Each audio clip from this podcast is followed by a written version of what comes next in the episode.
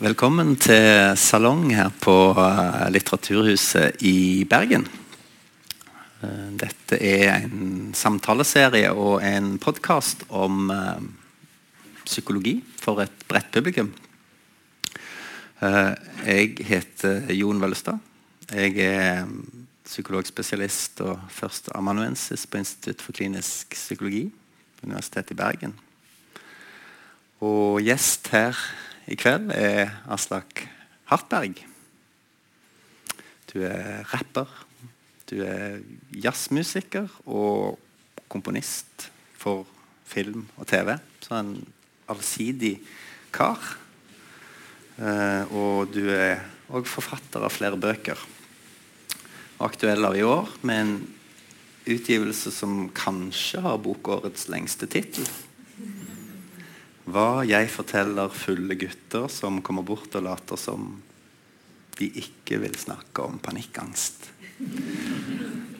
Så den er en munnfull, men samtidig veldig en god beskrivelse av hva, hva dette handler om. Så hjertelig velkommen, og så fint at du ville ta turen hit til Bergen. Aslak. Tusen takk. Så um, Boken din den handler om angst. Det handler om å være en mann med angst og alle de tingene som skal vi snakke om. Men jeg lurte på siden altså, du, du, er en allsidig fyr med, et, med, en, med en, bred palett. Uh, så jeg hadde lyst til at vi, før vi zoomer inn på dette her med det vanskelige, at vi fikk kanskje et litt sånn større bilde av, av deg før dette vanskelige. Altså hvor hvor kom du fra? Hvor var du på vei? Bare noen sånne små, enkle spørsmål for å sette oss i gang. Ja, si det. Ehm, jeg skrev jo en eh, bok før denne som het 'Farvel, frykt' eh, for et par-tre år siden. Eh, og den handler om fobier, som jeg også har en del av. Eller hadde, da. Og da skriver jeg litt om de tidlige barneår. Eh, jeg bodde på landet, og så var, det, var, jeg livredd for slanger hele sommeren. Eh, og så kom vinteren, og da var jeg redd for mørket. Eh, pluss at vi bodde rett ved en kirkegård, så jeg var redd for spøkelser. og sånn. Så jeg var redd for veldig mange ting da, i, i barndommen. Og frykt var en stor del av livet mitt. egentlig. Det tok mye plass. og sånn.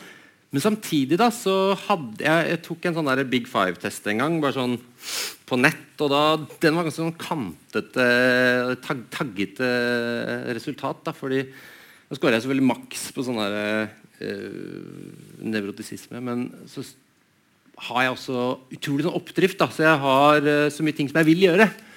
Så jeg har Samtidig som jeg hadde en sånn, veldig sånn kraft som dro meg veldig sånn ned, og sa liksom bli inne, ikke gå dit, uh, vær redd. Så hadde jeg også en sånn kraft i den andre enden som dro meg veldig sånn opp. da, Som sa det at det er gøy, prøv det, det må du gjøre. Mm. Uh, det er mulig.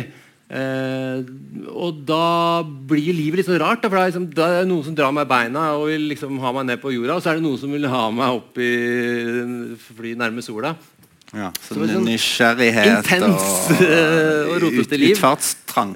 Ja, så, mm. da, så, det har vært livet mitt eh, sånn i et nøtteskall. er liksom der, Hele den der eh, dragkampen der, da. Så Heldigvis, da, fordi en del folk som har mye fobier og frykt, og sånn, de jo, kan jo bli sittende mye inne ikke sant? Og, og, isolere seg. og sånne ting, Men jeg hadde jo heldigvis den driven ut og opp. da Eh, så jeg drømte om å flytte inn til byen, og helst til USA. Og jeg drømte om å bli musiker og erobre hele verden og bli oppdagelsesferd eh, og oppdagelsesreisen og, og sånn. Så uh, Hvordan kom musikken til deg? Ja, så var det jo noe Ja, det, så musikk da, så jeg ville bli, Det var noen konsertopplevelser som liksom satte griller i hodet på meg. Og så hadde jeg noen eldre brødre som var kule og spilte i band og hadde frakk. og drev med jazz. Mm. Og, da, og, så prøvde jeg å høre på listepop, og sånn, og da fikk jeg juling. Så da skjønte jeg det at det er jazz smeller, og det ble en veldig stor kjærlighet for meg. det altså. Så fra jeg var tolv eh, år, så begynte jeg å spille bass, som var instrumentet mitt. Elbass først, og så senere kontrabass. Og da eh, ga jeg alt på det. Da skulle jeg bli verdens beste jazzmusiker. Og så ble jeg ganske god. Begynte å spille ute.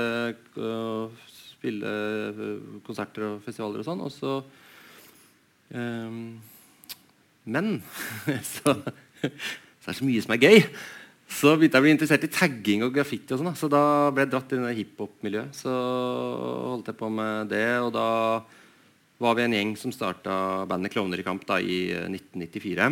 Eh, da var jeg 18 år, så da holdt jeg på med begge deler samtidig. Så jeg holdt på med hiphop eh, rundt omkring i Norge. Og sånn, og så reiste jeg mye rundt i verden da, og spilte jazz eh, med bandene mine. Ja, og Hiphop ikke heller en sånn sjanger som man typisk eh, forbinder med å være forsiktig og tilbakeholden. Det Nei, men sånn da, breialt, og det er, sånn, det er mange som sier sånn om klovner i kampgjengen og sånn. Og dere gjør så mye ut av dere, og dere er, virker så uredde og sånn. Og det er jo selvfølgelig megafeil. Fordi vi er, er skikkelig skikkelig sånn uh, jenteband som bare snakker om følelser hele tiden. Og at vi er redde for alt. Og, så vi, uh, vi, er veldig myke uh, inni og tøffe utenpå. Og så, så vi har levd med den derre dobbeltheten, flere av oss i bandet, at vi har liksom villet opp, opp og veive med armene foran kamera. samtidig som vi liksom hater det og syns at livet er vanskelig. da og Det bærer jo tekstene preg av. Hvis man er på en Klovner så får man jo både liksom, en dose med fest og moro-party, og så får man uh, masse selvmordstanker og bekymringer og angst i tekstene. Da. Så det er, det er, sånn vi er, da. Mm. Uh, men så skjedde jo det da at, uh, at jeg ble jo da det ble ganske ja, Så studerte jeg musikk da samtidig. Uh, kontrabass. Uh, så da ble det litt, kanskje litt mye, da. så det er det jeg skriver om i boken. Så skriver jeg litt om denne drømmen som ble til virkelighet. Jeg ble jo musiker. Det var jo det jeg hadde drømt om. Og jeg, jeg kom meg ut og fikk se verden og sånn. Eh, men så snudde jo alt da en natt i Shanghai. Så. Ja. Hva, hva, hva, var det som skjedde? Ja, Skal vi dit? Ja. Var, det var en høst hvor jeg var veldig mye på turné i, både i Norge og i utlandet. Jeg har vært flere runder rundt i Europa og uh, i Norge. Og så skulle vi til, så hadde jeg vært på en lang utenlandsferie uh, som jeg hadde klemt inn midt i i Asia. Og så skulle jeg til Kina på turné. Alt dette var på samme høst. Og Da merka jeg litt sånn utover høsten at jeg, det som før hadde vært veldig gøy, da, det ble ikke så gøy lenger. Eh, begynte å, Istedenfor å bli glad når det kom nye konserter inn i kalenderen, så ble jeg egentlig mer stressa. For jeg så at bare, det tetter seg til. Da. Det blir ikke noe pauser, det blir ikke noe fritid. Eh, så det var egentlig det som, alt det som hadde vært så gøy, da begynte å bli slitsomt. Og så jeg husker jeg gruet meg litt til den Kina-turneen. Jeg hadde vært der før, visste at det var litt sånn krevende land å være på turné i. Og så eh, kom jeg dit, eh, og det er mega-jetlagd, ikke sant? Eh, når du reiser østover, så får du ekstra jetlag. Eh, så gikk jeg selvfølgelig den kjempefella at jeg Første kvelden så drakk jeg meg jo sanseløs eh, for å liksom bare Vet ikke. Prøve å bli i godt humør. Mm. Eh, så jeg var jævlig fyllesyk dag to og kom ut i gatene på Shanghai der. Og så masse sånn gateselgere som dro i meg. og Det er en ganske intens by å være i. Eh, og jævlig varmt. Og så masse lyd og masse ting. Og jeg, var i, hadde det ikke noe særlig bra. Og så spilte vi konsert på kvelden, og sånn Og så gikk jeg og la meg på hotellrommet. da Og så sovna jeg. Og så våkner jeg av en brå lyd, en høy lyd. Jeg retter meg opp i sengen, og eh, Hvis dere er bransjefolk, så vet jo eh, hva et panikkangstanfall er. Det visste ikke jeg. Jeg, eh, husker at den første følelsen var frykt. Altså, at ble, kroppen ble fylt av frykt. Eh, og jeg trodde jeg var i fare. Jeg trodde noen hadde brutt seg inn på hotellrommet. Eh, men det skjønte jeg fort jeg spratt opp og liksom sjekka døra. Sånn. Det var jo ikke tilfellet. Eh, og så var det det rare da, som da skjer, at man istedenfor å roe seg ned, så bare var det som det eskalerte. Og jeg liksom gikk litt rundt for meg, og liksom gulvet krenga og, og, og, og, sånn. Og da husker jeg, da gikk det fra, fra den lyden kom, og til jeg reiser meg opp og løper rundt på gulvet der og sjekker eh, om det er tjuver der. og sånn. Så husker jeg Den neste følelsen som melder seg da, eh, er nå blir jeg gæren. Mm. Det var eneste forklaringen av det. For jeg var jo ikke i fare. Så heftig reaksjon. Det var det du Ja, for denne følelsen altså, ja, Den uvirkelighetsfølelsen da, som var så sterk at jeg var, jeg var våken, men det var en sånn drømme Det var ma marerittfølelse. da Men jeg skjønte på en måte at det var ekte likevel. Men det føltes som mareritt, så det var det jeg tenkte. at Nå ble jeg gæren. Nå skjer det. Og så andre følelsen jeg tenker, Nå skulle jeg hatt noen drugs som bare kunne altså, gi meg et eller annet. For det, det, dette er det beste jeg har opplevd. skru det av. Ja, ja. Men, men jeg var på andre siden av jorda. Jeg, bare, jeg, jeg, visste, ikke, jeg visste ikke noe. Så, ja, det var, eh, det var. Heftig. Så liksom en prosess der du hadde blitt litt mer sliten og hva skal si, hatt mindre batteri, mindre å gå på, og så bang, plutselig smeller det på dette Ja, ja, og. For å hoppe litt fram i tid, så er det jo Jeg får veldig mye mailer fra folk og sånne telefoner og fulle folk som kommer bort og skal fortelle sin livshistorie til meg. Uh, og da er det jo Det er så typisk. Ikke sant? Jeg følte at uh, det var noe veldig unikt og spesielt som skjedde med meg. At nå blir jeg gæren, og det er noe som skjer inni mitt hode. Men dette jeg skjønt etterpå er så utrolig vanlig. da Jeg møter folk hele tiden og snakker med folk som, som opplever det. Og særlig mange som er ute og reiser. De er 20-åringer som skal backpacke ikke sant? og drømt om det, spart penger, og alt mulig sånn, og så går det en uke, så får de panikkangst, og så reiser de hjem. ikke sant? Så er drømmen knust, og så låser du den på hybelen, og så blir du sittende der. Så mye triste historier altså, som folk forteller. Eh, men det vet jeg nå, da. Men eh, det visste jeg ikke nå. Så det er ganske typisk forløp. da, at du kanskje har et, eller, at, eller voksne mennesker da, som er i en, en eller annen form for eh, Opplever kanskje å miste jobben. Det er ganske typisk. Ganske mange som har sånn at de har vært sykemeldt for noe, og så kanskje hatt noen problemer med kona, har gått fra det, et eller så baller det litt på seg. da. Så bare at det er eh, noe. Men eh, ja, Det kan vi snakke mer om etterpå. Men, ja. Ja. men selv om, ja Hvordan Hva gjorde det med ikke- ditt? selv om alle ikke er liksom? på turné i Kina, så er det allikevel ganske har jeg skjønt, et typisk scenario. da, Å være i liksom, en frem, følelse av stress og, og ikke ha det bra. Mm. At du kan liksom tilbakeføre det til, til, til, til en, en sånn situasjon. Men tenker du Du var litt inne på det, noe med deg som gjorde at du kanskje var eh, jeg å Hadde med deg noe som, som eh, gjorde deg sårbar for dette? Nei, Det vet jeg ikke, og det har jeg egentlig Jeg, måte, jeg tror det er veldig sånn menneskelig å lete etter et sånt mønster da, for, for å forstå sammenhengen. Hvorfor Er det noen som vil inn, så kan de komme inn. Eller er det vaktmester? Ja. Um, er hjertelig velkommen. Jo, man leter etter et mønster eh, og forstå sammenhenger. ikke sant?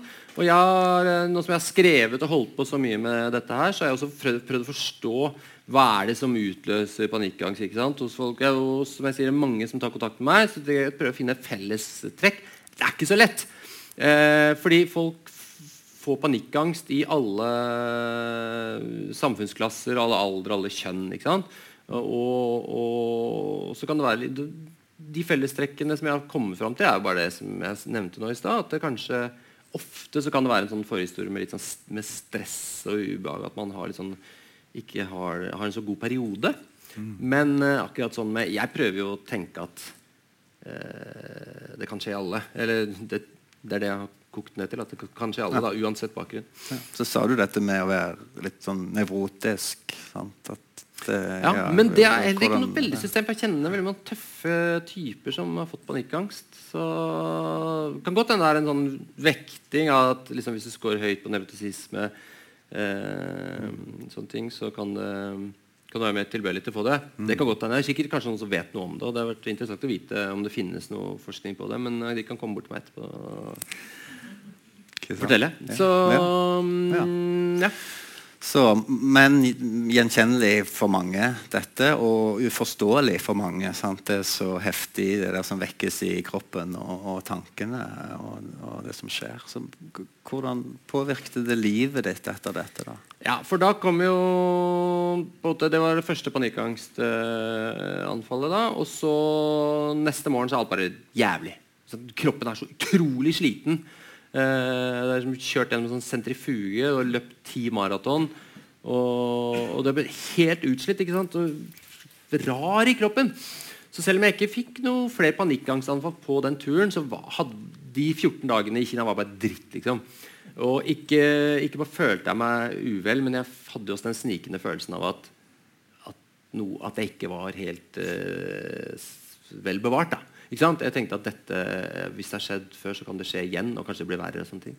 Men som jeg var inne på, Vi mennesker vi leter etter forklaringer. ikke sant? Og etter hvert som jeg var der og ble mer og mer irritert på disse her, eh, lokale kreftene der som skulle hjelpe oss med turneen og sånn eh, Det er et intenst land å være i, og det var jævlig mye rot. Eh, så jeg begynte å tenke at det er Kina som er problemet. Ja. Det er Kina som er fienden. Og jeg, bare, jeg må bare holde ut, og så må jeg bare komme meg hjem. Og så, øh, og så vil det ordne seg. Så jeg lagde meg et fiendebilde. Veldig klassisk i alle sammenhenger av menneskehetens historie. å lage seg fiendebilder. Mitt fiendebilde ble Kina. Ja. Og til slutt så ble jeg så irritert på de gateselgerne. Sånn. Jeg kjøpte det skrev jeg ikke i boka, jeg måtte ta det bort. for det ble sånn for dramatisk Men jeg, jeg gikk på sånn der, jeg gikk i en sånn bakgate og kjøpte jeg to springkniver. Og så gikk jeg med én hånd i hver lomme, sånn knuget uh, to springkniver. Jeg tenkte at alle var liksom jeg, jeg, jeg, var bare redd for et eller annet, men jeg skjønte ikke hva. ikke sant? Så det, prøv, søkte etter sånn trygg, noe som kunne gi meg en trygghet. da. jeg hadde ikke noen plan. Hva skulle jeg gjøre? Stikke ned Nei, ja. Men uh, det sier litt om hvor uh, fortvila man er. da. Og så lander vi på Gardermoen, ikke sant? og det er beste dagen uh, på lenge. Og jeg kysser jorden omtrent. Og aldri har eh, Romerike vært så vakker. og så tar jeg taxi til leiligheten min. Og så ble nasjonalromantiker. Ja, ja, ja, ja. Norge, som jeg alltid har hata, syns er et dølt eh, land, var noe veldig trygt og godt. Men øh, ja, og så går det noen dager, og jeg tenker at nå er ting tilbake i øh, godt slag. Men øh, så spilte jeg konsert igjen, og jeg spilte på Kampen Jazz med Jon Eberson og et band jeg hadde med han. Og vi drakk, vet du. Og jeg Det er ikke sunt å henge med disse gamle jazzgutta. De er jo fine og herlige typer, men eh, de drikker jo mye. Da. Så, og vi drakk, drakk oss gjennom hele den juleølmenyen de hadde på, på Kampen uh, jazzklubb. Og så våkner jeg neste morgen, og langt på dag. Ser ut, allerede begynt å skumre. Bare faen, det var ikke bra. Uh, og så går jeg ut i stua, og så skjer det igjen. ikke sant? Da kommer akkurat det samme som skjer igjen. Så var det ikke Kina som var problemet. Ikke sant? Mm. Fy faen. Bare, nå skjer det. At det kan skje, at det kan skje i Kina, liksom hotellrom. Fremmed, jetlag, det kan jeg skjønne. Men at det skjer på Torshov i den koselige leiligheten min, det var skikkelig, det var nesten et verre slag. For da tenkte jeg at ok, men det er gærent på ordentlig. da. Mm. Ja, Nå skravler jeg fælt. Men, uh, og dette ble begynnelsen på et dritt uh, ett og et halvt år uh, hvor jeg da ikke fikk så mange panikkangstanfall. Fordi at det kunne gå uker og måneder. Men jeg gikk hele tiden rundt og frykta at det skulle skje.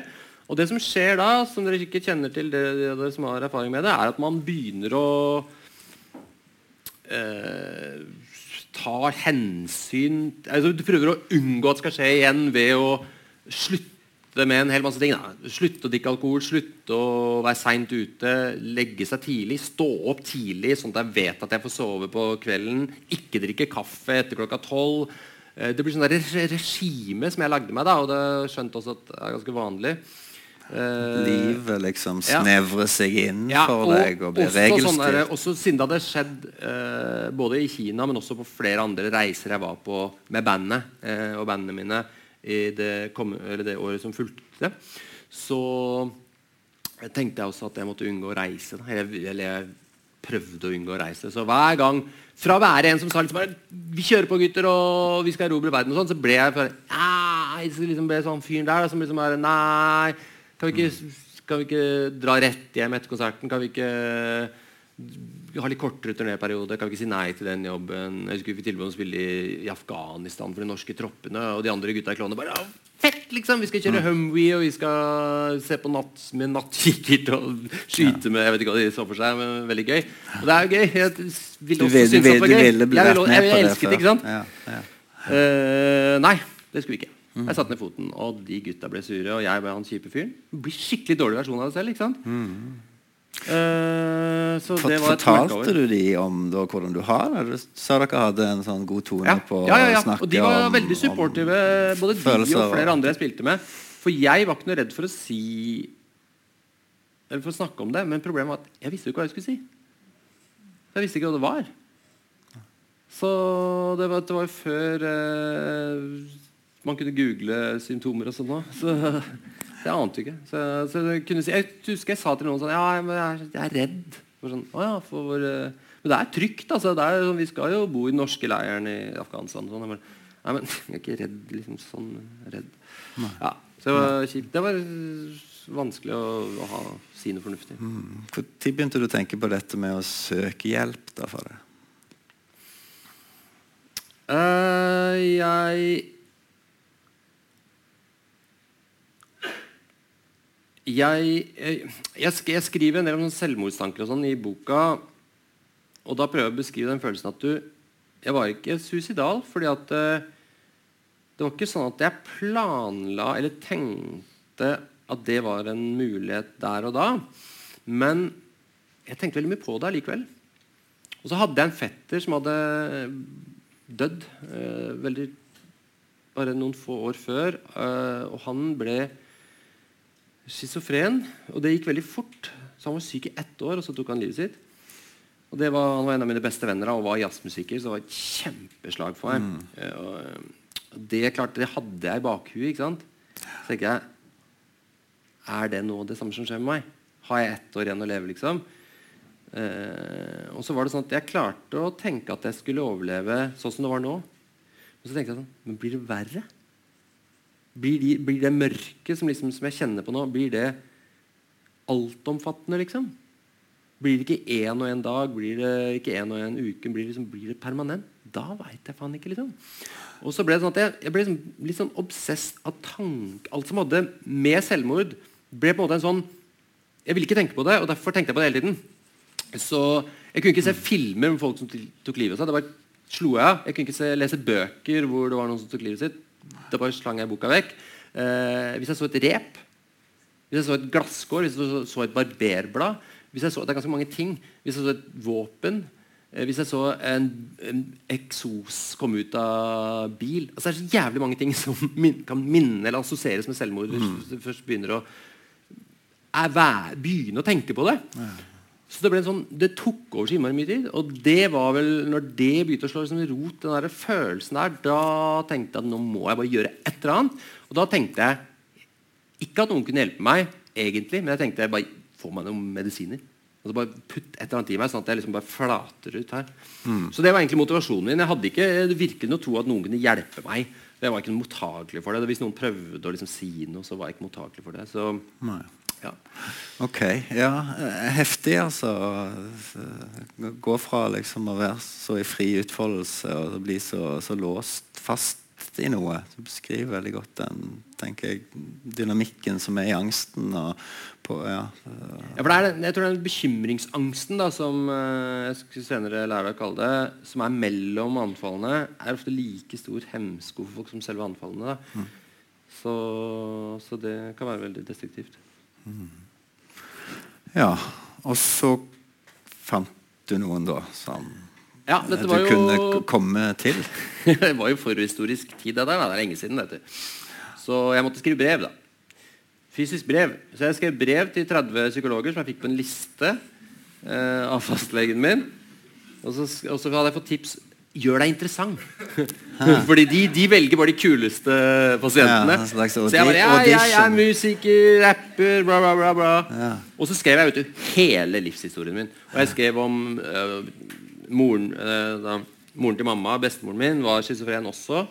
Uh, og inn og ut av Gaustad. Tok heldigvis ikke livet sitt. Ble ganske frisk etter hvert. Men også det er en sånn historie som liksom har vært med meg hele tiden. At, at hun var liksom paranoid av vrangforestillinger og, og prøvde å ta livet sitt. Og, uh, og masse ting. Men um, uh, Og jeg skrev det om det, og jeg skrev om fetteren min, og jeg skrev om fobiene mine. Og alt skulle med. alt skulle med, Side opp og side ned. jeg fikk jo ikke noe svar da, allikevel.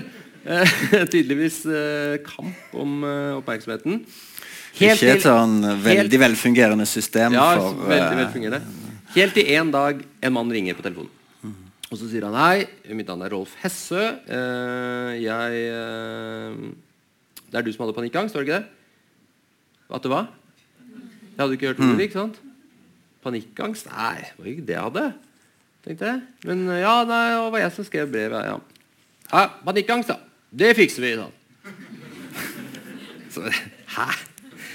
Da, eh, det syns jeg var utrolig eh, tull, tullete tilnærming. Og veldig sånn useriøst. Da. Veldig useriøst og sånn fikse det. Vet, skjønner han ikke alvoret, liksom? Skjønner han ikke min smerte? Nei, men eh, det var det håpet jeg hadde, da. Så jeg husker jeg dro til han Og jeg husker jeg tenkte på veien opp der Så tenkte jeg det at eh, dette Nå er det litt sånn Litt sånn følelsen at det fikk briste eller bære. At det var litt sånn siste det var, det var litt sånn, ja, det var litt sånn heavy følelse at hvis ikke han kan hjelpe, hva da? Ikke sant? For Men han var har fått psykolog, da, og psykologer er jo de som kan fikse dette. Hvis ikke han kan fikse det, da tenkte jeg at det så litt svart ut. altså Men du ville ha hjelp? Ja, det var jo ikke ja. Det er ikke noe sånn For av og til så tenker vi jo Ja, at, Ja, nei, at det vi kan ve vegrer oss for å Ja, gå ja, ja. Nei, jo- Kjente du noe på de tingene der? Nei, jeg var nå såpass desperat at da, ja, nei, da ville jeg bare ha hjelp. Ja, medisiner, som jeg tenkte. Mm. Ja, og så er jeg én time hos uh, nå avdøde Rolf Hessø. Uh, gikk inn med krum nakke. Så Én time etterpå så går jeg ut, løfter den i været og bare jubler mot himmelen. Og etter den dagen da har jeg ikke hatt panikkangst én gang. Eh, det er 20 år siden, da. Så det er basically det resten av boken handler om. Er, eh, hva sa Rolf? Og hva forteller jeg fulle gutter når de kommer bort? Så vi skal over på de fulle guttene, men kan du si litt sånn bare i korte trekk Hva var det som hjalp deg hos Rolf? Ja, eh, det var jo det For meg veldig overraskende at han var ikke noe opptatt av det brevet mitt. da Han vifta med det brevet. Ja, 'Du som sendte det her.' Ja, ja. Så at vi begynne å snakke om barndommen og sånn. ikke sant? Nei, det var han ikke interessert i.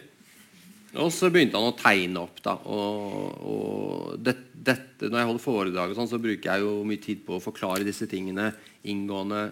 på en måte Fordi at uh, det som var så eye-opener for meg, tenker jeg også kan være veldig eye-opener for andre. da Og det er det som gjør det meningsfullt å liksom holde på den, all den formidlingen som jeg gjør. da Jeg trenger ikke gå sånn i detalj, men, men Ha en grunn til å lese boken. ja, ja, jo, det òg. men eh, han forklarte rett og slett eh, fight or flight. Da begynte der, tror jeg. Tegnet opp på sånn der whiteboard. Sånn, ok, nå skal jeg fortelle deg eh, hvorfor eh, dette skjer i kroppen din. Og så tegnet han opp og forklarte kanskje med Jeg husker ikke hvilke eksempler han brukte, men jeg tror han brukte det at en mann ble angrepet av en bjørn da, i steinalderen. ikke sant?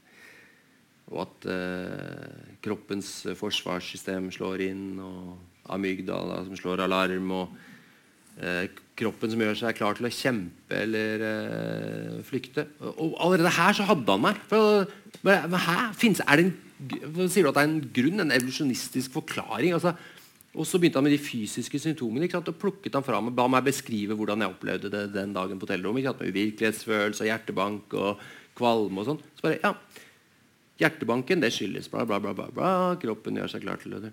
Uh, uvirkelighetsfølelsen det skyldes at uh, endorfinene pumpes ut systemet for å bedøve deg, sånn at du kan kjempe videre med denne bjørnen. Jeg brukte det eksempelet for alt det er verdt. Gikk gjennom hvert enkelt fysisk symptom og forklarte det. Og så var det sånn Er det det? Er det, er det liksom Er det en en forklaring til greia. Det var så jævlig kick. Yeah. Uh, og det var akkurat, jeg vet jo at altså Jeg har prøvd å forklare dette her til veldig mange mennesker uh, gjennom årenes løp. Og noen bruker, har liksom piggene ute, vil ikke helt forstå og sånn. Eh, liksom, det virker liksom, det, de, de, de tviholder på det der at, at dette gjelder ikke dem. ja, alle er sånn.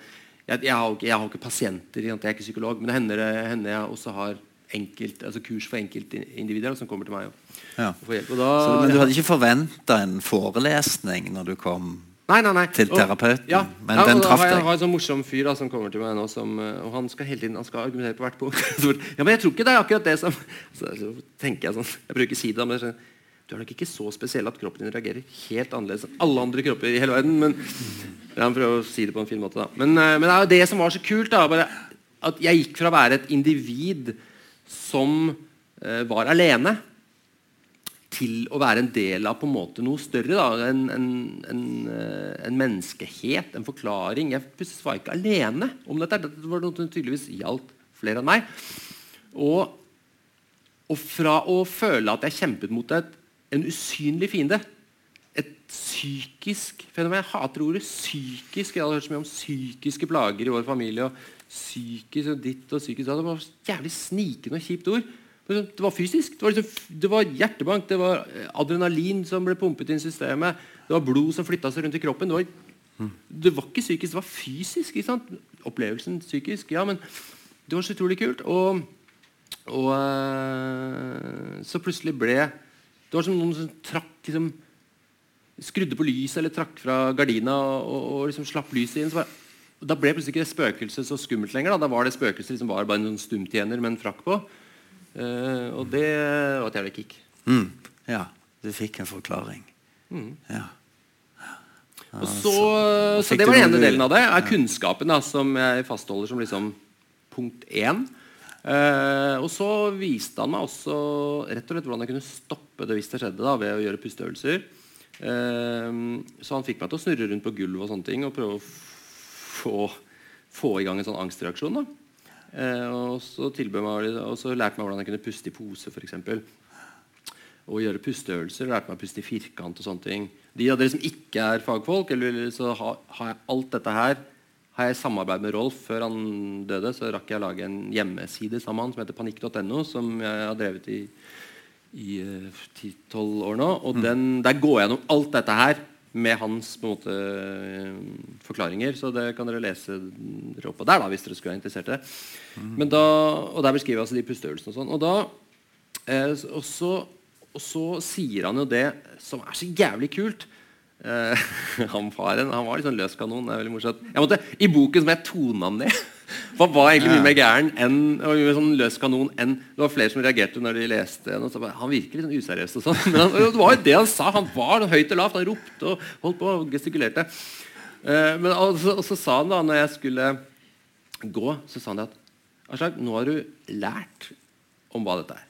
Du vet hvorfor det skjer. Og du vet, du vet hva det skyldes, og du vet hva som skjer i kroppen hvis det skulle skje igjen. Og så vet du hvordan du skal stoppe det. Uh, det betyr ikke at du skal gå rundt med sånn du skal ikke gå rundt og puste i firkant resten av livet. Liksom. Det, det, det, det, gir seg etter hvert. Uh, du skal ikke gå rundt med en plastikkpose i hånda hele tiden. Men da veit du at det fins. Du vet at det er mulig å stoppe det. Uh, og det er en trygghet. Nå skal du gå ut, sant? Nå skal du gå ut og så skal du drikke deg full. Vær oppe hele natta. Røyk hasj. Han har fått det for seg. Det er sikkert jævlig mange pasienter som har problemer med å få panikkangst av det. Men det er så morsomt at han sa det. Røyk hasj. Eh, dans på bordet og bare gi faen, liksom.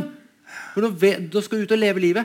Det er så kult. For det var en utrolig kontrast til det halvannet året jeg hadde hatt, der jeg bare hadde gått rundt som en sånn munk og, og prøvd å liksom leve i askese. Og, uten, uten, alt som er gøy. Og, og, når vi forsker på effekten av psykologisk behandling, så ser vi ofte at det er noen sånn sentrale, virksomme ting der. Sant? Det er jo akkurat det du beskriver, det å få en forklaring. Mm. Og så er det for, å få noe du kan gjøre med problemet. Og han mm. ga deg begge deler. Mm -hmm. Og, men så er det jo den tredje biten, for han høres jo ut som en fascinerende og, men også varm og romslig type som ja, du fikk en ja, god connection med. Som òg er en, en, viktig del av, av, disse tingene. Hvor mye tror du det hadde å si? Altså at, han, at Rolf var Rolf for din del? Eh, det er vanskelig å si. Jeg tror det var kunnskap, autoriteten. på en måte at Han, han var jo, han, jeg vet ikke om det er sikkert noen av dere som kjenner han fra liksom, bransjen. Han var jo en av de pionerene på en måte, så, mm, innen kognitiv terapi. da. Så jeg kom mm. til helt riktig person. ikke sant? Eh, skal ikke jeg snakke ned psykoterapi, men det, for meg så var det riktig der og da. At jeg kom til han og fikk eh, Ikke lå på divanen og snakket om oppveksten, men fikk, gikk rett på problemet. Og fikk meg liksom oppe og stå på en time. Eh, så jeg hadde jo superflaks. Det var jo helt tilfeldig. ikke sant? Så, nei, så det var rett mann, ja. Og, nei, nei, men Han er ikke noe spesielt varm type. Men jeg tror ikke det jeg, er ikke, jeg er ikke, jeg er ikke så varm sjøl. Jeg, sånn, jeg vil ha fakta, og jeg er glad i sånne ting. Jeg. Så, jeg, så jeg, sånn der, jeg, er ikke så opptatt av det aspektet. Og han var, han var en brumlebass, han. Så han var ikke noe var, Jeg husker han, jeg, husker, jeg, jeg, dro aldri tilbake til han med panikkangst, men jeg dro til han en gang eh, et år senere fordi jeg hadde gjort det slutt med samboeren min. Jeg var i et litt sånn dysfunksjonelt forhold, og uh, gjorde sånn i mange år. Uh, og så gjorde jeg det slutt. Uh, etter lang tids overveielse og mye kvaler så skjønte jeg at dette er ikke sunt for meg. det er ikke bra. jeg blir Jeg har det ikke bra, jeg har ikke hatt det bra på lenge. Jeg må gjøre det. Må gjøre det. Og så gjorde jeg det. Og selv om jeg visste at det var bra, så fikk jeg fryktelig dårlig samvittighet. Det ble deprimert og veldig sånn, knust av at jeg hadde knust en annen person. Og hun hadde, noe, hun, hun hadde et vanskelig liv, og jeg gjorde livet vanskeligere for henne ved å slå opp. tenkte jeg da. Ved å redde meg selv, så ja. Så tenker jeg jeg må ringe Rolf. Han øh, vet sikkert råd. Og så kom jeg til han, da. Og så, så skal jeg forklare situasjonen. da. Og så sa jeg, at jeg føler meg dårlig, at jeg ikke liksom kan redde henne. Sånn. Så du er en sånn fyr som skal redde alle andre, du? ja. husker, det var hans tilnærming. Han var ikke noe sånn der, 'Å ja, stakkar, det skjønner jeg'. Så nå bare, han, han kødda med meg. Han skulle liksom dra meg i beinet. Det var jævlig det var fett. Litt sånn direkte og, og litt, litt konfronterende. Jeg tror du har litt sånn stu, stu, hva heter det, sånn, um, grandiose tanker om deg selv. Liksom. Ja. Vi kan godt ta en sånn personlighetstest. Jeg tror du ville ha, finne ut det. det var, ja, ok, ja. Og det ble en jævlig vekker for meg. Sånn, jeg trengte ikke en skulder å gråte på. Jeg, da. jeg trengte en som daska meg litt i trynet. Og kom med noe litt sånn så, ja. så jeg tror det var mer intellektet hans jeg tente på enn liksom uh, Lynne. Ja, ja, ja, sånn. ja, men noe, det var en match der, i alle fall. Match, sånn, som du ser at det er viktig når det gjelder terapi. Og terapi, det er akkurat som du sier, det finnes mange forskjellige måter å gjøre det på. og hvis du har beefs og uh, fiendtlighet i hiphop, så har du det definitivt i psykoterapitradisjoner òg. Ja, ja, og så finnes det jo tusen ulike pasienter, selvfølgelig. Så er det sikkert mange som har behov for helt andre ting enn det. Ja. Som, men det som du sier, for oss så var det match. Ja, og du, sant, du trengte den timen, du. Det, det var nok. Um, mm.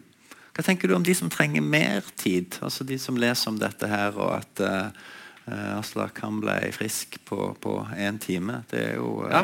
imponerende. Men ja, er, altså, kan noen tenke at mm, ja, eh, hvis det ikke funker for andre, det er noe galt med de, eller mm. hva tenker jeg, jeg, jeg, jeg, har jo møtt mange av de også, som sier at jeg har prøvd alt sånn. Mm. Um, så det er jo selvfølgelig utfordrende. Men um, jeg uh, har også da i arbeidet med den boka som eh, kom ut, den fobiboka som heter 'Farvel frykt', så lærte jeg meg jo Da jobbet jeg med en psykolog eh, som heter Aksel Inge Sinding. Og da lærte jeg meg Vi skulle ha sånn prosjekt da jeg tenkte det skulle bli en TV-serie eller en morsom bok eller noe, om at jeg har masse fobier. Tøff rapper med masse fobier. Eh, Aslak skal prøve å bli kvitt alle fobiene sine. Det høres ut som et morsomt prosjekt. Og det var, jeg var drittlei av å gå rundt og være redd for alt mulig. Så vi gjorde det. Eh, men så, da lærte jeg meg eksponeringsterapi. Og så hadde vi en teori om at jeg var eh, mørkeredd. Det sa jeg jo til disse. ikke sant? At Jeg gruet meg til, til, vinteren kom og det ble mørkt. Eh, og så snakker vi litt sammen om det. Og så sier Aksel Inge noe som overrasket meg veldig. Han sa Aslak, jeg tror ikke du er mørkeredd. Og så, Hæ? Nei, så jeg tror du bare er redd for å bli redd. Og så spør han sånn Er er du redd liksom, hvis lyset går på badet når du er der? Nei, det var ikke det. Er du redd liksom? Og så stilte jeg meg flere sånne kontrollspørsmål. Og så, og så jo mer han spurte, jo mer jeg tenkte på det Kanskje det var rett. For det jeg var egentlig redd for, er, er jo ikke Når jeg var ute og gå, gå på ski med hodelykt og sånn, på, og sånn som jeg liker å gjøre da, på vinteren, så er jeg egentlig ikke redd for at jeg skal bli gående i mørket, men jeg er jo redd for å bli redd. Mm. Så istedenfor å eksponere mot mørket, så fant Aksel Inge ut at vi skulle eksponere for frykt. Følelsen av frykt. Og Da gjorde han litt det samme som Rolf hadde vært inne på på den timen. Han fikk meg da til å snurre rundt på gulvet, hyperventilere, holde pusten i flere minutter. Altså ikke, med, ikke i første omgang, men sånn, vi dro det veldig langt etter hvert. Og så brukte vi eksponeringsterapi. Eh, for å eksponere mot frykt. Og det som var så utrolig kult med det, var det at jeg som liksom har hele mitt liv levd så nært på frykten og kjenner den så godt, og følt at den har kontrollert veldig mye av meg og for meg i mitt liv, så plutselig så var det jeg som kontrollerte frykten. Altså, jeg, kunne, jeg, klarte ikke å bli redd. Jeg, jeg snurra, jeg holdt pusten, og jeg headbanga, og jeg, jeg gjorde alt mulig rart. Eh, men frykten det var ikke som en beit ikke på. Det var ikke som en vaksine mot frykt. Ja. Ja. Og nå ble det lang digresjon. Men de som ikke får, eh, føler at de får eh, så god hjelp fra den kognitive eh, forklaringene på panikkangsten, og, og, som ikke får den samme aha-opplevelsen som jeg fikk av det, kan nok ha utrolig stor glede av um, eksponering mot frykt. Mm. Fordi det, det, er overraskende effektivt, og det det er, nesten gøy å holde på med det. Fordi du får sånn kick. da mm. eh, og, og, og, eh, det blir jo Du trenger ikke å forstå noe, egentlig, for du, du merker det at det virker. Så det, det har jeg brukt både på meg selv og på andre med stortele. Ja. Og det er spennende, for det er litt der sånn på faget er på vei. Sant? Vi har vært litt opptatt av Er du redd for slanger, eller er du redd for panikkanfall, eller er du redd for sosiale situasjoner. Men det viser seg ofte altså, etter hvert at vi kanskje kan fokusere nettopp på den mer grunnleggende prosessen. Hvordan er det du forholder deg til de følelsene som, som er i, i, kroppen, og går rett på det. Mm. akkurat sånn som du veldig fint uh, beskriver der. og da er det jo det som er så gøy med dette her, syns jeg, er jo det at man begynner å se en sånn overføringsverdi òg. til utrolig mange andre deler av livet. Mm. Og så begynner du å se at det er jo det samme som skjer i kroppen når jeg blir sinna. Det er fight, fight or flight, dette her. Jeg, jeg, blir ganske sinna. sinna kan bli. Så Og da kan jeg, ta, da kan jeg liksom arrest... Oi, nå går alarmen. Det betyr at sønnen min må ta penicillin. Ja, Husk å sende han en melding etterpå. Um, og da eh, Ja, når jeg blir sinna Enten er jeg sånn småsinna, at jeg krangler med kjæresten min og merker at nå er jeg ferdig med å liksom bli skikkelig irritert for de jævla klærne som slenger. liksom. Så kan jeg arrestere meg selv litt. Det kjenner jeg. Og det er hjertet, og det er adrenalin, ja. og det er, liksom, det er blod. Ja, og det er, mm. uh, eller da hvis jeg åpner en konvolutt, og så har jeg fått 140 000 i baksmell, og så faen! Har ikke de penga, liksom. Og du føler at nå ramler alt her.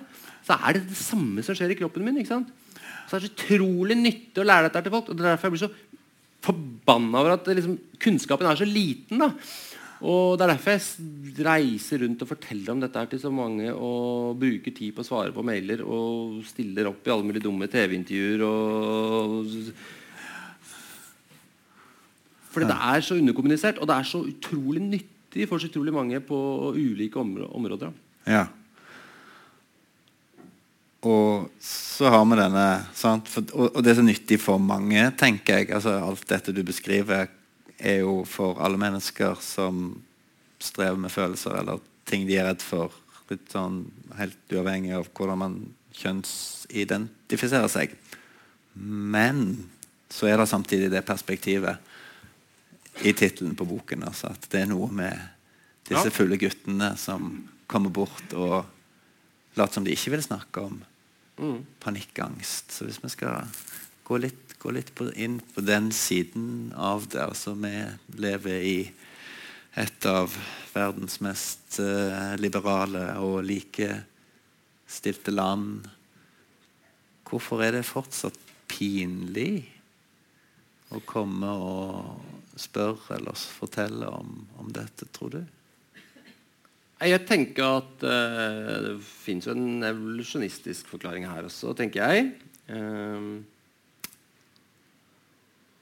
at man ikke skal vise svakhet, fordi da da kan du risikere å bli stengt ut av flokken, og at det rett og slett ligger en dødsangst. ikke sant? Så blir, mm. blir du i steinalderen da, hvis du ble stengt ut av flokken din, så sjansene for å overleve små. ikke sant? Dauer. Så er når vi mm. eh, står i fare for å dumme oss ut, da, ja. eller miste ansikt, så forbinder den gamle, dumme hjernen vår det med dødsangst. Sosial død er, Ja, ja, ja, liksom, og det er jo samme selvfølgelig med sosial angst, men også med det og skam. da, eh, At skam eh, henger sammen med det. Eh, Og den, mulig den også er sterkere forankret da i menn, fordi de hadde en sånn slags uh, jegerrolle som var, uh, hvor mer sikkert sto på spill uh, med sånne macho-verdier. Men uh, Det ligger i genene våre. og, det, og det der med at vi er et likestilt land, og sånn, det er så morsomt. fordi at er liksom, Jo mer man ser seg rundt i verden, så tenker du på sånn Fy fader, menneskene tror man er så utrolig avansert, og vi kan lage kontaktlinser og AI-generatorer og sånn, og så er vi faen meg Alt vi gjør, nesten, er styrt av eldgamle instinkter, ikke sant? Og så, eh, så, så jo mer eh, Jo mer siviliserte og avanserte vi tror vi er, jo morsommere er det å rote opp under disse eh, eldgamle refleksene og, og um, evolusjonistiske bakgrunnene for det vi gjør. Så mm, ja, så jeg tror det. Og, og vi menn blir, vi blir, ikke sant, vi blir sinna. Og Aksel Inge pleide å si det at For jeg ble alltid, når jeg, når jeg skulle bli kvitt disse fobiene mine, så ble jeg så jævlig sinna.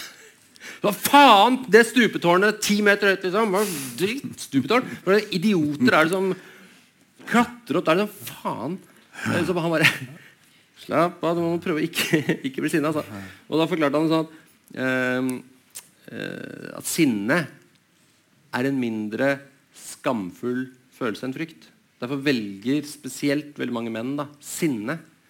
Uh, og det er jo samme ikke sant, hvis uh, sånne partnerdrap og alt mulig sånt, Hvis kona di truer med å gå fra deg, ikke sant, så fører du på et tap. Ikke sant? Du, du taper alt. Du taper familien din, du taper hele posisjonen din.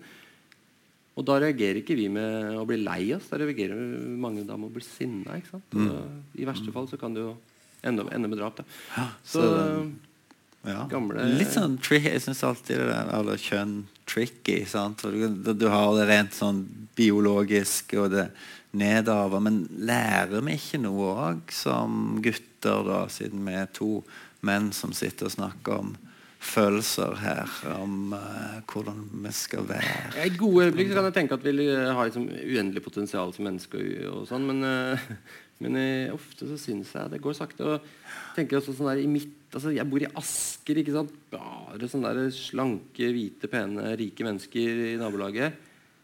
Og så tenker jeg at jeg alle er veldig likestilt, og alle tar ut pappaperm og sånn. Men så går jeg sånn Ser jeg på de jeg kjenner så bare går glir tilbake, de mønstrene. da. Den likestillingen er så ofte et sånt skinn. Eh, og så tenker jeg at altså, Går det ikke dypere? Stikker det ikke dypere? Og da skal han mannen da skal han ut og trene. I tre timer skal han sykle. Og hun skal passe ungene. og sånt. Det er ikke noe spørsmål engang. Bare, har dere, er dere ikke fått med dere noen ting? liksom? Er det? Så nei, jeg veit ikke, ass. Og, og, og, også sånn der, også, eh, Da jeg skrev den boka om fobier, da, så snakket jeg mye om, om det med alle jeg møtte, og sånn, og, så, og med menn. da. Og, så, og de hadde ikke, ja, de så gøy at jeg skrev om det, men de hadde ikke noen fobier. Men de hata folk som uh, var så idiotiske å hoppe i strikk. Eller å, De syntes at uh, fugler var det verste de visste. liksom Men de hadde ikke noen fobier. Nei, fugler er bare så idiotiske. Og det er mine venner, liksom. De, de klarer ikke å innrømme til meg at jeg har en fobi. Ja. Men det gjelder ikke bare menn. Det, dette altså, Jeg hadde morsom eh, Nei, jeg, kan, jeg vet ikke om jeg kan si det. Men eh, jeg, hadde, jeg måtte skrive om en del av boka fordi jeg henviste til en samtale med moren min. For jeg sa jo Du har jo Jeg skriver bok om fobier sånn. Du har jo, vet jo litt om det sånn. Hun bare Ja, jeg har ikke noe fobier. At uh, du ikke har Så da hadde vi litt uh, Hun vil heller ikke innrømme det. Om vi kjører lange omveier. Ja, sant. Ja, da, og vi skal ikke gjøre det til den store arv- og miljødebatten her. Sant? Men for det, for det er uansett noe som, som gjør at uh, menn har kanskje enda vanskeligere for å søke hjelp. Uh, F.eks. Uh, når, når altså alle, alle venter lenge. Altså det du beskriver med å vente lenge før en søker hjelp. Forskningen viser jo at folk går gjerne i årevis før de tar eh, kontakt. Altså jeg, jeg, får, jeg får mailer fra folk som har hatt panikkangst i 20 år, Ja, og de har ikke fortalt det til kona si engang. Det er Nei. ikke uvanlig. ikke sant? Eh, de har aldri fått lignende historier fra damer. Det er ikke. Mm. Men gutta, de holder Holde kortene tett holde, holde, brystet. holde maska. Sant? Og uh, good news er jo når du kommer til behandling, så funker det like bra for menn som for kvinner, men det er en veldig skjevhet i hvor mange som, som oppsøker det. Sant? Så, og det er jo et Ja, problem er- her med sant, opphopning av selvmord, av, av, av Ja. rus og, og Ja, lidelse sant- da, for menn som, som Ja, hva, hva, hva, hva kan vi gjøre her, eh, Aslak? vi, vi vinkler den boka mot menn, da, for det, Mm. de har kanskje ikke, det, De oppsøker kanskje ikke psykolog, men kanskje de plukker opp en bok, eller at en kjæreste kjøper en bok til dem. Mm. Så det er liksom eh, Det er jo Kvinner det er jo større prosent av psykiske utfordringer, men uh, menn er så jævlig de er, Jentene er flinkere til å søke hjelp. Da. Så derfor er mennene litt sånn og så får du jo det dessverre da innmari store utslag på um, selvmordsstatistikken. da. Eh, og der er jo menn overrepresentert. Så um, Derfor er det jo litt ekstra viktig å gi fokus på det. Kan jeg si en annen ting som jeg bare hadde lyst til å si, siden det er litt sånn, jeg har skjønt at det er litt psykologer og, og vordende psykologer og sånn her. Eh, som er eh, Jeg har bare var inne på det i stad, men jeg, jeg vil gjerne understreke det. At, uh, jeg skrev en gang en sånn gjesteartikkel i Norsk legetidsskrift. og Da, da tror jeg jeg kalte det noe sånt som jeg tror Overskriften var 'Avkreft min galskap'. Og det eh, vil gjerne understreke viktigheten av. for jeg tror det er mange som går og kjenner på de samme tingene som meg. da, At de eh, blir gærne.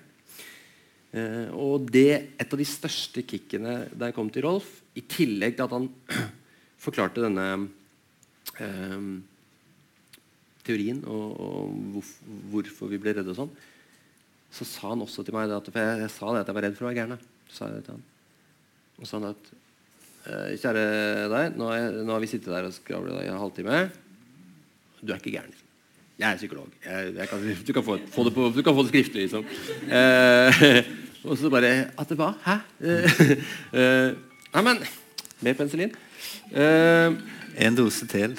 jeg var, jeg var sånn snus. Eh, ja. Nei, så det er bare utrolig viktig, altså.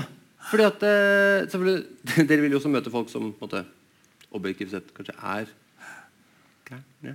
Men eh, når det gjelder panikkangst, så er det så innmari vanlig å gå rundt og tro det og frykte det. Og da får du de da baller gjerne på seg med selvmordstanken og alt det. Og så, så, så bare og, ja, jeg tror folk har utrolig nytte og, og glede av å få høre liksom at dette ikke er galskap. Det. At det gjør det konkret, fysisk.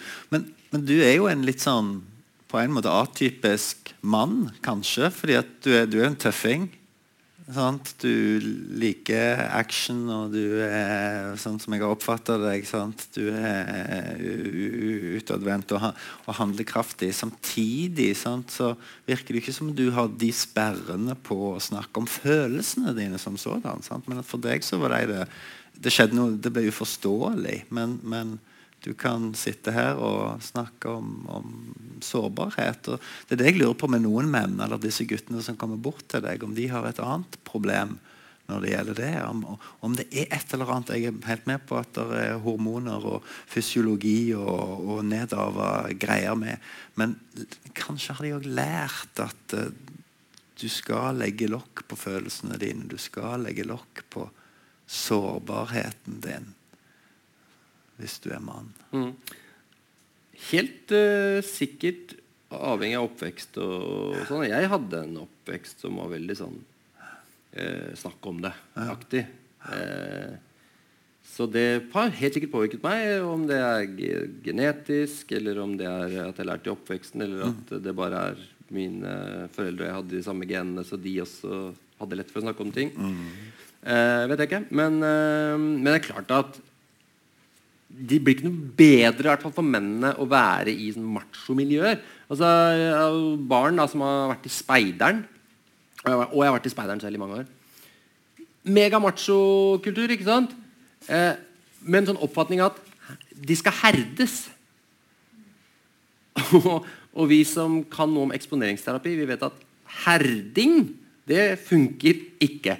Eh, sånne type sånn pappaer som kaster barna med vannskrekk ut i vannet liksom, for å lære de å ikke være redd for eh, vann. Eh, ja. samme som å tvinge redde speiderbarn ut på en altfor lang haik og etterlate de i skogen men tro at de skal bli herdet. Altså, de blir livredde, traumatisert, hater skogen, slutter i speideren. Uh, går aldri mer ut i naturen. Ja. Så det er sånn, og Samme litt i militæret også. Jeg vet at enkelte steder i militæret så har de begynt å bruke mer moderne teknikker. Men fortsatt en stor grad av herding. Men, men, men jeg vet jo det at de gjør jo eksempel, Det er litt morsomt, da. Eh, en del eh, spesialtropper og sånn som skal operere i utlandet, de lærer jo da pusteteknikker og sånn. ikke sant?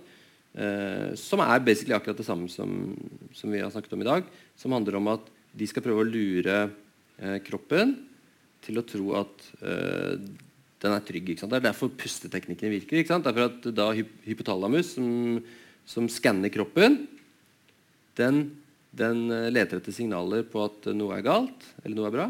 Og hvis noe er galt, så handler den etter det. ikke sant? Så hvis vi hyperventilerer Skal se om jeg klarer å lure kroppen min. Noen ganger når jeg gjør det, så begynner håret reise seg med en gang. Og så kan jeg, hjertet begynner å banke fortere, og så kommer den der panikkfølelsen. Jeg skal veldig lite til. Den kom det faktisk litt. Uh, kjente, kjente, litt i bena, faktisk. Um, og da lærer de eh, soldatene så lærer de det at de kan Samme som jeg lærer de jeg snakker med. Hvis du puster rolig, derimot, istedenfor å hyperventilere, så skanner hypotalamus kroppen, og så sier den 'Å, han puster rolig'. Da kan vi avblåse fryktreaksjonen, og så blir man rolig. Og det som er morsomt, er at disse soldatene de er jo i fare. Men de lurer kroppen allikevel. Det, så det er litt morsomt at man kan uh, For vi må jo, vi som har panikkangst, vi må jo si sånn uh, Det er ikke farlig. Vi må vise kroppen at det ikke er farlig, så vi puster rolig, og så roer kroppen seg ned. Mens de sånn, kulene skyter i alle retninger, og de skal holde seg rolig, så må de puste, puste rolig og lure kroppen til å tro at den ikke er i fare, selv om kulene suser og granaten kastes i alle ja. retninger. Så det funker. funker ja. å lure kroppen. Ja. Men hva vil være rådet ditt? Altså, du gjør jo et kjempearbeid med å spre denne kunnskapen. Uh, med å snakke til både gutter og andre om, om, uh, om, dette. Men er en del fagfolk her og studenter. Hvis, hvis vi tenke på disse som har vanskelig for å tro at de kan få hjelp, eller vanskelig for å åpne opp, hva kan vi gjøre annerledes framover for at uh, det ikke skal være sånn? Uh, jeg er ikke sikker, men altså, jeg drømmer om å få dette inn i skolen. For jeg mener det er så grunnleggende. For jeg mener det, uh, det påvirker så veldig mye av livene våre. Ikke bare for Det er jo ikke alle som opplever panikkangst. Det er kjempehøye tall og sikkert enorme mørketall. Eh, men det påvirker ikke sant? Det er den derre kjærlighetssorgen, sinne Fobiene det, det, det det handler om hvordan vi eh, reagerer i kjærlighetsforhold. Og, og, og i, det påvirker familier, det påvirker venner, det påvirker de vi jobber med. Eh, og det at vi det er sånn, Man kan undres iblant liksom, hvorfor, lærer, hvorfor lærer vi så mye rart på skolen, men ikke de grunnleggende tingene. Mm. Altså, hvorfor blir vi redde, og hva er det som skjer i kroppen, og hvordan kan man stoppe det? Det burde være dag én på den skolen som jeg hadde vært rektor på. Altså. Uh, så det, jeg tenker det er det, det, er det viktigste. Å begynne å få det ut uh, til flest mulig på et tidlig tidspunkt. Sånn at man vet for det, Da vil det komme så mange situasjoner hvor du kan arrestere deg selv. Altså bare, å ja, det er det som skjer. Ja, faen, ja. Og så er det lettere å roe seg ned. Uh, Istedenfor at man bare handler på følelse. Følelser er farlig. ikke sant? Men når, når, du klarer å finne en forklaring til følelsene, så er det lettere å håndtere det. Mm. Så det kunne iallfall bidra til at dette mystiske blir forståelig. Mm. Og når det gjelder da, sånn, i en situasjon med pasienter, så vil jeg da si kunnskap. I hvert fall det som funka meg. Kunnskap. Eh, pusteøvelser. Eller forklare det, det med pusten. Det er jævlig viktig. Pusten, pusten, pusten, pusten. Eh, lukk munnen er det første jeg sier til barna mine. Hvis, hvis, eh, hvis et barna mine har eh, tror det er spøkelser og roper ba, ba, ba, Jeg drømte noe!' eller sånn. Lukk munnen, vennen min. Pust rolig gjennom nesa. Det er lett, mye lettere å hyperventilere gjennom munnen. ikke sant? Sånne enkle ting da, som de kan ta med seg.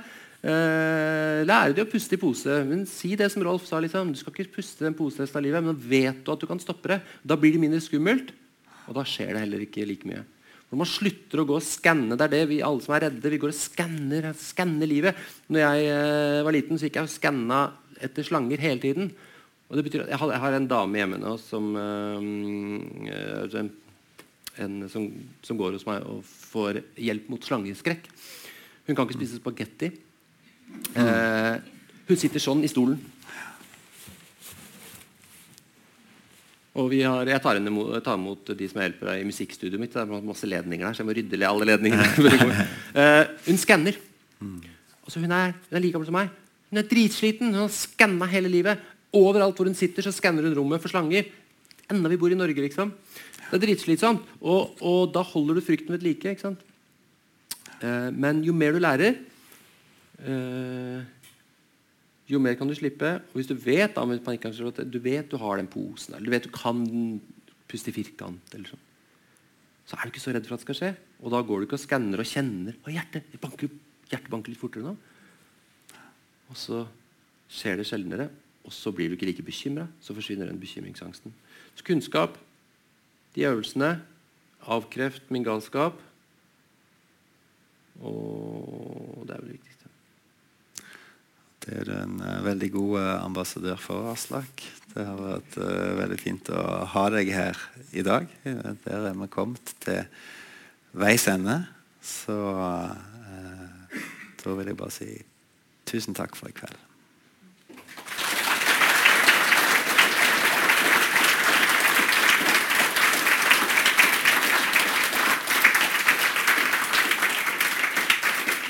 Og så vil det bli eh, boksalg og signering ja. Ja. Uh, ute i gangen. Ja, og jeg skravler i vei med de som har spørsmål. og sånn. Jeg, jeg, håper ikke jeg virker sånn dogmatisk, for det vil jeg ikke gjøre. Jeg sånn, altså, det er jo sikkert, Dere sitter jo med så enorm kunnskap om, sikkert, og, om erfaringer. Uh, så, Jeg er også en som lærer underveis og tar imot tips og diskusjoner. Så vi får uh, Fin anledning til det.